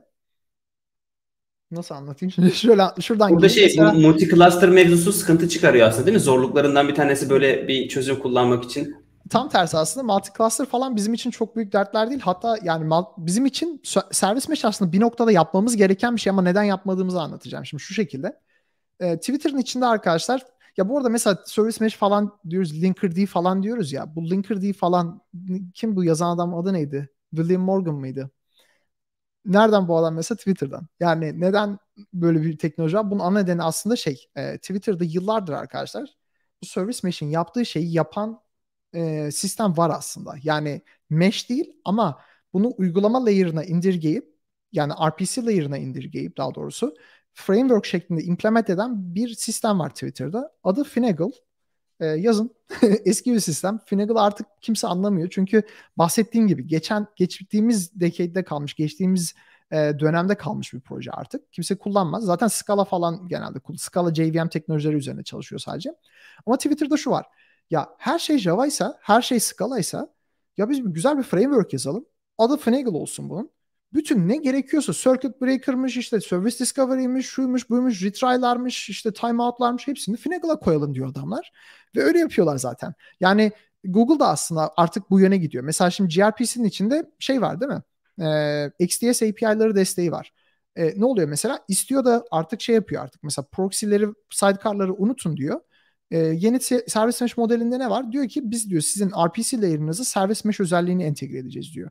Yani sizin uygulamanız gelecek bizim servis mesajımızı kol edecek. Bütün konfigürasyonu öğrenecek. İşte timeout'lar nedir? Service discovery nasıl yapılır? Bunları öğrenecek. Ondan sonra hiç proxy olmadan sizin uygulamanız tak tak konuşması gereken yerlerle konuşacak diyor. Yani zaten bizde var yıllardır. yani bizde 10, 10 küsur yıldır var zaten bu. Yani çoğu yerde var. Google'da da var bu. Google'da da mesela servis mesh kullanılmıyor. Çünkü siz bir uygulamanın içinde, içeride data center'ın içinde çalıştırdığınız her şeyin siteyi tamamen kontrol ediyorsanız kodu tamamen kontrol ediyorsanız servis mesh'e ihtiyacınız olmuyor. Yani siz e, bütün uçları kontrol ettiğiniz için network'ün böyle bir derdiniz olmuyor. Bir de nasıl diyeyim? Ee, ya bizde aslında şey var. En Google gibi aslında flat bir network var. Yani Google'da da böyledir bu. Google'da mesela bir data center'dan öteki data center'a tak tak tak erişirsiniz. Hiçbir VPC falan gerekmez. Mesela Google'da şeydir. Google Cloud'da VPC'ler globaldir. Amazon'da öyle değildir mesela. Regional'dır Amazon'da. Ee, Google Cloud'da VPC'ler global. Yani sizin bir VM'iniz Avrupa'da bir VM'iniz Afrika'dadır. Tak tak onlar hepsi birbiriyle e, direkt lokal IP adresi üzerinden işte 10 nokta bilmem ne üzerinden communicate edebilirler. E, bizde de öyle. Yani bizde de flat network var. O yüzden aslında böyle çok multi cluster falan hepsi aynı network'e bağlı olduğu için dert olmuyor. Yani bütün podlar hakikaten birbirleriyle IP adresi üzerinden iletişim kurabiliyorlar aslında. Çok büyük bir artı aslında o service mesh için. Abi Alper Reha'dan tekrar bir tane soru var. Alalım. Demiş ki Kubernetes Cluster'ına bütün projeleri girip names, namespace bazlı mı ayırıyorsunuz yoksa her ekibi donanımda bölüp her ekip kendi Kubernetes Cluster'ını mı kuruyor? Arka planda nasıl bir mimari kullanıyorsunuz ya da best evet. practice olarak? Dediğim gibi yeni başlıyoruz. O yüzden bu hala çözmeye çalıştığımız bir konu. Bazı takımlar bizim yönettiğimiz cluster'larda tek başına çalışıyorlar. Ee, ama yine kendi namespace'leri var onların. O namespace'lere kısıtlıyoruz onları. Bazı cluster'larımız var.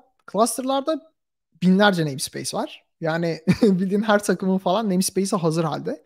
Ee, bize hiç sormadan girip kendileri kullanabiliyorlar. Sadece belli bir kotayı açtıktan sonra bizden gelip kota istiyorlar. Orada biz konuşuyoruz sizin ihtiyacınız nedir Kubernetes'den falan diye. O şekilde yapıyoruz. Ama takımlar gidip kendi genelde Kubernetes cluster'larını falan ayağa kaldırmıyorlar. Ya o işle uğraşılmaz. Çok çok detaylı bir iş o. Sadece böyle çok egzotik takımlar var. Yani işte mesela e, çeşitli spesifik böyle bizim Kubernetes'e benzemeyen Kubernetes'ler kullanan takımlar var. E, onlar da çok mesela çeşitli network'le alakalı router'larla, switch'lerle alakalı onlar böyle kendi işlerini yapıyorlar. O ayrı konu ama e, genel olarak bizim e, Kubernetes kurulumumuz bizim takımımız yönetiyor. Merkezi bir compute takım var yani. Bu arada çoğu şirkette de böyledir. Yani Facebook'a da giden işte ne bileyim e, Airbnb, Uber'e de giden yani merkezi bir compute takım vardır. E, cluster işlerine bunlar bakar. Evet. Ama multi tenancy çok zor bir konu Kubernetes'de. Yani ben 2017'de Malta tenisi ile ilgili bir talk verdim ve o yıldan bu zamana kadar hiçbir şey gelişmedi diyebiliriz neredeyse. 2018 belki. Evet. Aa, şey sorusu var abi, multi architecture mevzuları. Yani farklı CPU architecture'ına sahip nodlar falan filan vesaire var mı hiç Twitter içerisinde? Galiba bakıyoruz bu işlere ya. Ee, çok ben de çok şey değilim. Ee, bu konuya hakim değilim. Ama zaten böyle çeşitli makineler arası çok fark bizde de var. Mesela GK clusterlarımızda düz nodlar var. GPU'su olan nodlar var. Ee, on, yani scheduling'e çok dikkat etmemiz gerekiyor. İşte taintlere, toleration'lara çok dikkat etmemiz gerekiyor. Yoksa bir sürü GPU'yu yakıyoruz boş yere. Yani çok para. Milyonlarca dolar GPU masrafı yanıp gidiyor bir anda. evet. Ee, şey Serkan'ın bir sorusu var. Ee, o da kübbelerle ilgili. Abi, projeyi duydun mu daha önce kübbelerle ilgili? Neydi bu ya? Bir hatırlatırsan. Ya şey e, şey gibi böyle bir e, UI var. Aslında UI'de kendi bir application neydi? Open Application Model OAM dedikleri bir proje vardı ya. Yani o da sanki böyle bir ne bileyim bir uygulama paket formatı gibi bir şey bir standartlaştırmaya gitmeye çalışıyor. O format üzerinden işte aslında Kubernetes'in bir nevi e, yönetilebilirliğini kolaylaştırmayı hedefleyen bir projeydi. Ben yanlış hatırlamıyorsam. Evet. Şöyle bir yorum yapayım. Çıkmıştı hatta paralelde. Evet, evet. Şöyle bir yorum yapayım. Bu uygulamaları paketleme, deploy etme falan konuları, işte uygulamaları describe etme, manifest yönetimi konularında Google'dan Brian Grant'in bir tane Excel spreadsheet'i var. Yani oturuyor orada şeyi anlatıyor işte. Aynı işi yapan 100 küsur aracı e, nasıl yaptığını ve ne işleri yaptığını özetlediği bir e, spreadsheet var. Yani 100 200 de olur bundan sonra. Onların geleceği odur. Çünkü bu problem muhtemelen hiçbir zaman çözülmeyecek ve yani biz mesela muhtemelen Twitter için hiçbir zaman dışarıdan böyle bir şey getirip kullanmayacağız. Yani biz açıkçası şeyi kullanırken zorluk çekiyoruz. Customize ya dışarıdan mesela ben şu şeyi getiremiyorum arkadaşlar. Çok zor. Yani dışarıdan mesela örnek bir proje düşünelim. Search Manager. Tamam mı? Search Manager abi 5 tane image çalışıyor içinde. Ben o image'ların her birini güvenli bir şekilde kendi register'imize kopyalamam lazım. Mesela Helm kullanıyorlar. Ben Helm kullanmıyoruz biz içeride. Bizim yani deployment sistemlerimiz Helm'i desteklemiyor. Takım Helm'i bilmiyor vesaire.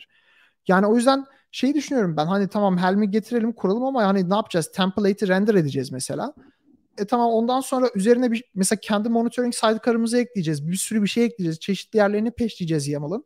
Hadi onu da customize'la yap diyelim. Tamam bu sefer customize'ın çıktısını test edebiliyor musun? Hayır.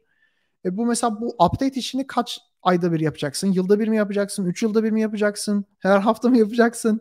İşte yeni image'ları nasıl getireceksin? Ya böyle hani dışarıdan mesela bir şey getirmek bizim için çok zor. Onu fark ettik. O yüzden mesela içerideki uygulamalarda da bizim böyle bir derdimiz yok. Bizim kendi DSL'imiz var e, şirket içinde. Mezos'a deploy ederken ki DSL'le aynı DSL'i kullanıyoruz açıkçası. Yani bir aynı sen şeyi veriyorsun benim uygulamam bu işte image'im bu bu kadar memory istiyorum diye bir DSL var. İşte o DSL Kubernetes kullanıyorsan Kubernetes YAML'ı veriyor. Kubernetes kullanmıyorsan Mesos YAML'ı veriyor.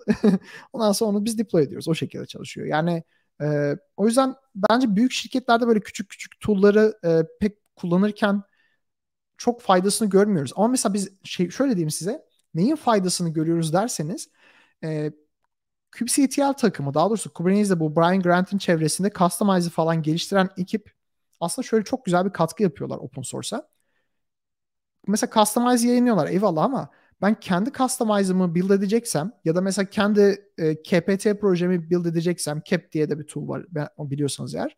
E, mesela bana o tip primitivleri yani o tip böyle yapı taşlarını veren kütüphaneleri de veriyorlar. Mesela bugün e, CLI'ye girerseniz CLI'da CLI Utils diye galiba bir tane repository var. Ya orada aslında bir kendi DevOps tool, kendi GitOps tool'unuzu geliştirebileceğiniz kütüphaneler var. Yani o yüzlerce tool bir yana aslında benim ihtiyacım olan işte o kütüphane. Çünkü benim yapmaya çalıştığım şeyler genelde çok spesifik. Yani böyle benim resmin çoğu var bende bir kısmını yapmaya çalışıyorum içeride tekrardan. O tip işler için işte e, o kütüphanelerin çok faydasını görüyoruz biz. Yani aslında sıfırdan başlıyor olsak yani Twitter'da hiç mezos olmasa hiç böyle şeyler olmasa getir Kubevella'yı kullan kardeşim deriz yani. Ama işte içeride çok farklı bir dünya olduğu için dışarıyla içeriği aynı anda yönetmek çok zor. Abi bu arada tam bir saati doldurduk. Sen nasıl diyorsan öyle yapalım. Hani eğer vaktin varsa birkaç soru daha falan alalım. Ne zamana doğru bitirelim? Sen tamamıyla istiyorsan şey sen söyle sen yine. Tamamen size kalmış. Ben benim tatil günüm o yüzden ben bütün gün konuşuyorum. Abi bütün, bütün tatilini almayalım şimdi. Birkaç tane daha soru alalım o zaman. Şöyle bir yarım saat belki bir 15-20 dakika daha devam edebiliriz istiyorsan. Tamam süper.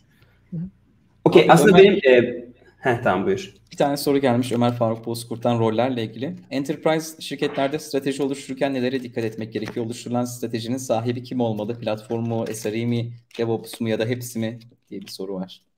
Ya bu, bu, bu çok bu soru çok zor soru. Bu soru üzerine kafa patlatan bir sürü şey var. İnternette ee, insan var. Ben bu soruya o kadar açıkçası kafa patlatmadım. Yani bizim bu tip soruları cevaplamak aslında şey Maslow'un e, ihtiyaçlar piramidinin üstünde bayağı üstlerde bir soru. Biz hala altlarda olduğumuz için daha henüz o seviyeye gelemedik.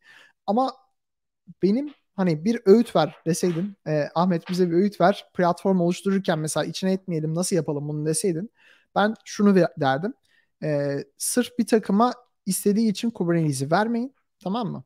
Yani Kubernetes'i özellikle e, yani mesela diyelim şu an bir siz bir atıyorum şu an Trendyol'da hiç Kubernetes yok. Yeni başlıyor. İşte Batuhan gitti Kubernetes'i kurdu. Bir iki cluster falan var. Çalışıyor. Sakın mail atmayın. Herkese Kubernetes hazır gelin kullanın diye öyle bir şey yapmayın. Birincisi bu. E, ikincisi e, hiçbir zaman müşteriye cluster'ın anahtarını vermeyin. Tamam mı? Yani gidip al sen CRD'leri kur. Al işte YAML'lar burada git bunları çalıştır. İşte gök küp sistemden bir şeyleri editle falan sakın öyle şeylere izin vermeyin. E, yani ne yapın edin benim tavsiyem şu şekilde olur. Kullanıcılara cluster'ın üzerine ufak bir katman ekleyin. Yani o işte o mesela şey olabilir. GitOps olabilir. Yani direkt kullanıcılar gidip şey yapmasın. Kubernetes cluster'ına dokunmasın. Öyle bir imkan verin.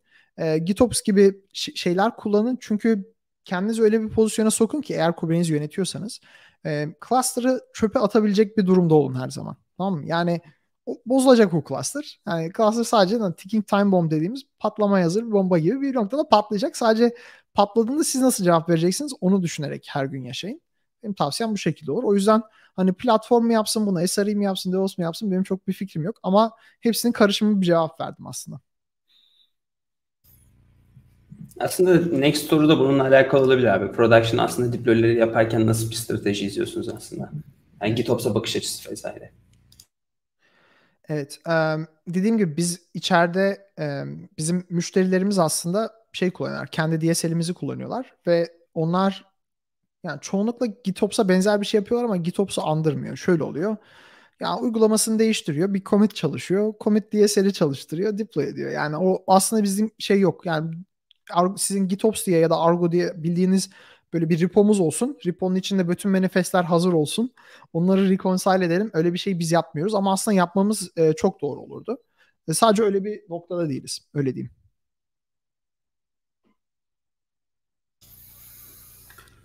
Um, yakalayabildin mi başka soru Enes? Ee, aslında farklı... benzer soruları sormuşlar gibi. Yani cevap verildi aslında paralelde çoğuna. Evet ben de bakayım. Um... Aynen abi farklı, sen de istiyorsan bakabilirsin. Farklı imaj registerler kullanılmalı mı tarzında bir evet. soru var. Prod ve test için. Ya bu, bunun cevabı yüzde yüz evet. Ee, yani şöyle diyeyim. Aynı imajı siz yine hem Pro'da hem tester push edin. O ayrı konu da. Ee, biz şey yapıyoruz mesela bir image'i build ediyoruz. Push edebildiğimiz kadar yere push ediyoruz. Sonra şey derdi olmasın yani image'i farklı zamanlarda build ettik, farklı zamanlarda deploy ettik olmasın. Tagler ya da digest'ler hepsi birbirinin aynısı. Ee, ben benim gözümde Prod'la testin en büyük farkı şu. Teste kafanıza göre ne istiyorsanız yapın. İstersen kendi bilgisayarından push et image'ları. İstersen sil image'i kafana göre retag et umurumda değil. Çünkü ben orayı desteklemiyorum.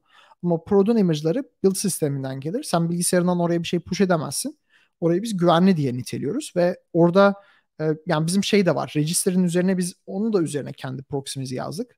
E, yani mesela sen diyelim A takımısın. A takımı sadece slash A'ya push edebiliyor o kadar. Başka bir yere push edemiyor. E, o yüzden hani başka takımların şeylerini de bozma imkanınız olmuyor. E, bence böyle bir sistem gerekli.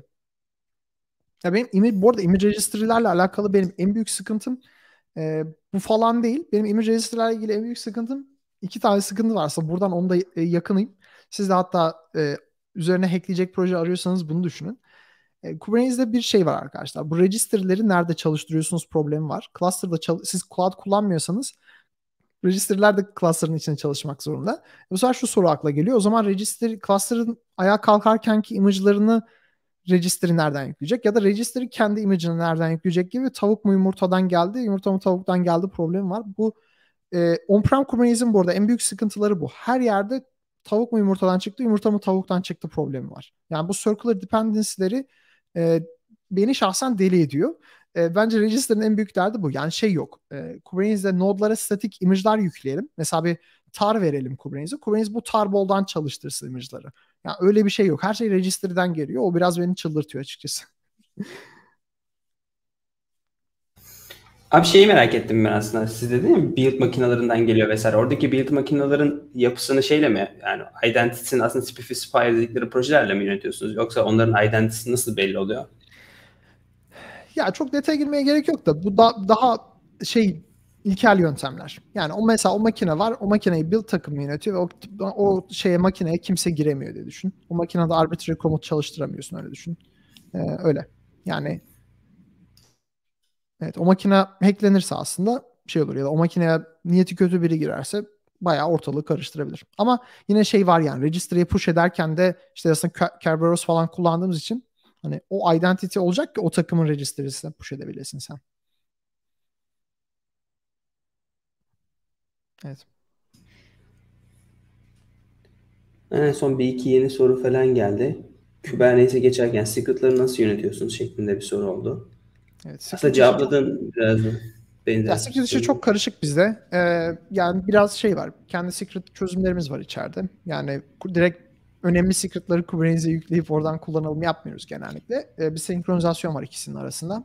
Bir de ya API server'a çok secret yüklemek de çok iyi bir fikir değil. Yani bir şey olur API server hacklenir meklenir ortada kalırsınız sonra. Ee, onun yerine biz şey yapıyoruz işte kendi secret sistemimiz var içeride. Onunla entegrasyon yapıyoruz. İşte orada da ama scalability sıkıntıları falan çok fazla var. Bu aralar ben e, şahsen şey projesine bakıyorum. E, Secret Store CSI diye bir proje var. E, bir tane storage mounting interface. Kafanıza göre siz arkasına bir secret plugin'i yazıyorsunuz. Onlar ikisi gRPC üzerinden konuşuyorlar. Daemon set olarak falan çalışıyor. Bu şekilde her node'a istediğiniz gibi secret'ları mount edebiliyorsunuz. Ama bizim için işte şey hani secret'ların sayısı arttıkça, podların sayısı arttıkça, nodların sayısı arttıkça kubletler de artıyor doğal olarak ve işte ortalık bir anda e, çok karışabiliyor. Yani biz şunu gördük. Kubernetes'in default secret mounting behavior'ı kesinlikle scale etmiyor. Yani yani direkt bam diye çökü veriyor, elinizde kalıyor e, ve hani geri dönüş yapamıyorsunuz her şeyi ona göre tasarladığınız için. O yüzden mesela onu iyileştirmeye falan çalışıyoruz genelde bu aralar.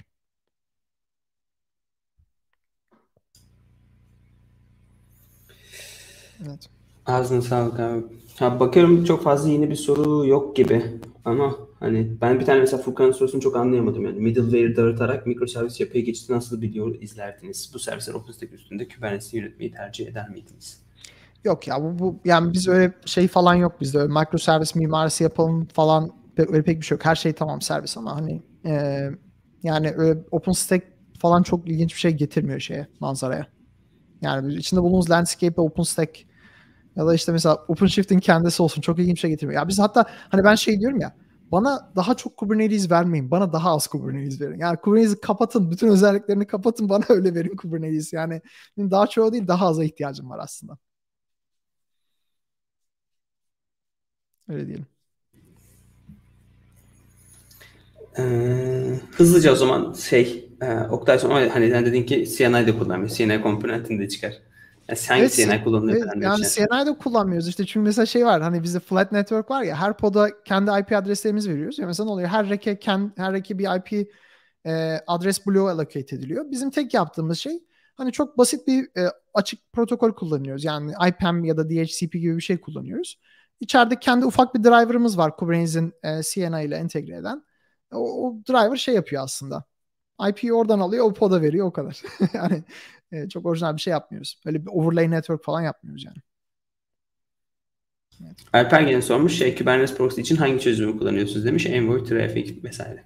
Aynı cevap. Yani evet, farklı bir şey yapmıyoruz. Öyle bir overlay işi yapmıyoruz ama e, şey kullanıyoruz. Aslında kullanıcılar dışarıdan kendi servislerine erişebilsinler. Yani kube control port forward gibi bir şey yapabilsinler diye. E, Envoy bazlı bir proxy var ama çok böyle sofistike bir şey falan da değil o. Ya bir de en önemli şu an bizim yapmaya çalıştığımız şey biz şu an böyle production trafiği alan yani siz Twitter.com'a girdiğinizde yüklenen servisler, çağrılan servisler e, bunları Kubernetes'e çalıştırmaya çalışmıyoruz biz. Yani çünkü o işe girersek onun o, o daha çok kişi çok daha efor ve yıllar sürecek bir e, yola gir, girmek zorundayız. Şu an onun yerine onu gerektirmeyen production trafiğinde çağrılmayan servislere odaklanıyoruz. Çünkü orada bayağı para yanıyor şu an. Gökçe'nin enteresan bir tane sorusu var. Alalım. E, copy dediği herhalde cluster API. Kullanımını merkezi biçimde mi yoksa denizsel biçimde mi kullanıyorsunuz? Crossplane gibi CI'ler state tutan demiş. Evet. Um, ya Cluster API şu an o da emekleme aşamasında. Yeni yeni başlıyoruz. Bir tane Cluster API'miz var. Cluster yaratıyorsun orada. cluster objesi yaratıyorsun. Sana cluster veriyor. Ee, onları aslında o bizde yine aktif bir tartışma konusu. Yani global bir cluster API mi yaratalım? Bizim bütün data center'larımıza bağlanan, oradaki makinaları gören, yöneten bu mu olsun? Yoksa mesela data center şey tabanlı mı yapalım? Yani işte region tabanlı mı yapalım? Mesela bir tane cluster API var. İşte sadece şu data center'ı yönetiyor. Bir tane var o data center'ı yönetiyor. Onlar o data center'ın içinde yaşıyor. Öyle bir şey mi yapalım?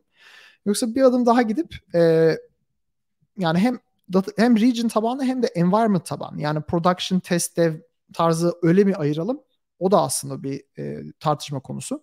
Yani mesela diyelim bir tane data center'ınız var. Diyelim Amerika'nın batı yakası data center'ında test cluster API var. Bir de production cluster API var. Biri test cluster yaratıyor, biri production cluster yaratıyor. Bu ne sağlıyor derseniz bu cluster API'yi geliştiren takıma bir test ortamı veriyor production'ı bozmadan. Yani mesela yeni onlar yeni bir Kubernetes upgrade stratejisi geliştirdiğinde ya da yeni bir makine tamiri stratejisi geliştirdiğinde önce test ortamına koyuyorlar. Orada çalıştıktan sonra production alıyorlar onu. Ee, yani öyle farklı topolojiler düşünüyoruz şu an. Ama çok eğlenceli problemler yani özellikle bu, bu tip şeyler üzerinde çalışmak. Keşke bu tip böyle şeyleri merak eden daha çok insan olsa diyeyim. Ha, bu arada şey Erkan abi de izleyiciler arasındaydı. Erkan abi de şey Cluster API tarafında bir sunum yapmak istediğini söylemişti zamanında. Belki ilerleyen zamanlarda bir Cluster API ile alakalı bir sunum da yapabiliriz bu arada. Evet, süper. O da çok güzel olur. Hani senin yönlendirmelerinde de zaten biraz önemi artar. Herkes bir Cluster API araştırmıştır ben eminim abi. Evet. Ya büyük şirketlerde evet, şey, Erkan abi de yazmış zaten. Evet evet. Ee, ne diyor bakın Giant Swarm'da management cluster'larını tekliyoruz. Test ya da prod diye. Ee, gelen WCD ne onu bilmiyorum. Ona göre geliyor diyor. workload cluster galiba. Evet. workload cluster aynen. Evet. Hı hı. Ee, evet öyle olmalı. Yani hani e, aslında bir sonraki soru daha güzel. Bence bir sonraki soru e, MAB diye bir arkadaş. Hangisi abi? Evet. He, no, no, ee, ya açıkçası yeni yeni bakmaya başladım şimdi biraz e, geçen o konuda da bir tweet attım. Mesela şey gördüm Cloudflare'da biri ya Cloudflare'da HashiCorp kullanıyorlar. E, ama ne kadar kullanıyor?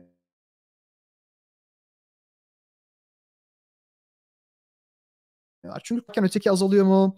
Yani aralarında bir savaş mı var? Farklı use case'leri mi var? Bunu anlamaya çalışıyoruz. Mesela Roblox diye bir şirket var. Roblox'ta keza yine e, büyük Nomad kurulumu var. Onu biliyoruz. Farklı yerlerde mesela Cisco'da falan çok büyük Nomad kurulumları var. Onları benim duymuşluğum var falan ama e, yani Nomad'in aslında Nomad işte aslında Kubernetes keşke biraz daha Nomad gibi olsun diyorum ben e, sıkça. Ama Nomad'in de tabii kendi şeyleri var. Kendi limitasyonları var. Yani Kubernetes'de oturup üzerine bir controller yazıp mesela bir operatör yazıp bir şeyi rahatlattığında oh be diyorsun yani iyi ki Kubernetes var diyorsun.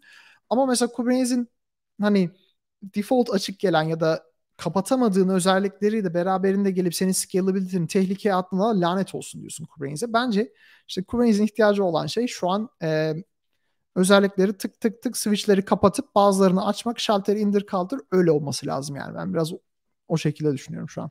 Yani keşke Nomad'e daha yakın olsa Kubernetes. Evet. Bence güzel sorular geldi. Güzel bir oturum oldu. Teşekkür evet abi ağzına sağlık. Bence de çok iyiydi.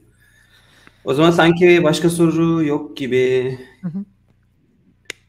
Kaç? 4 sene sonra o zaman bir daha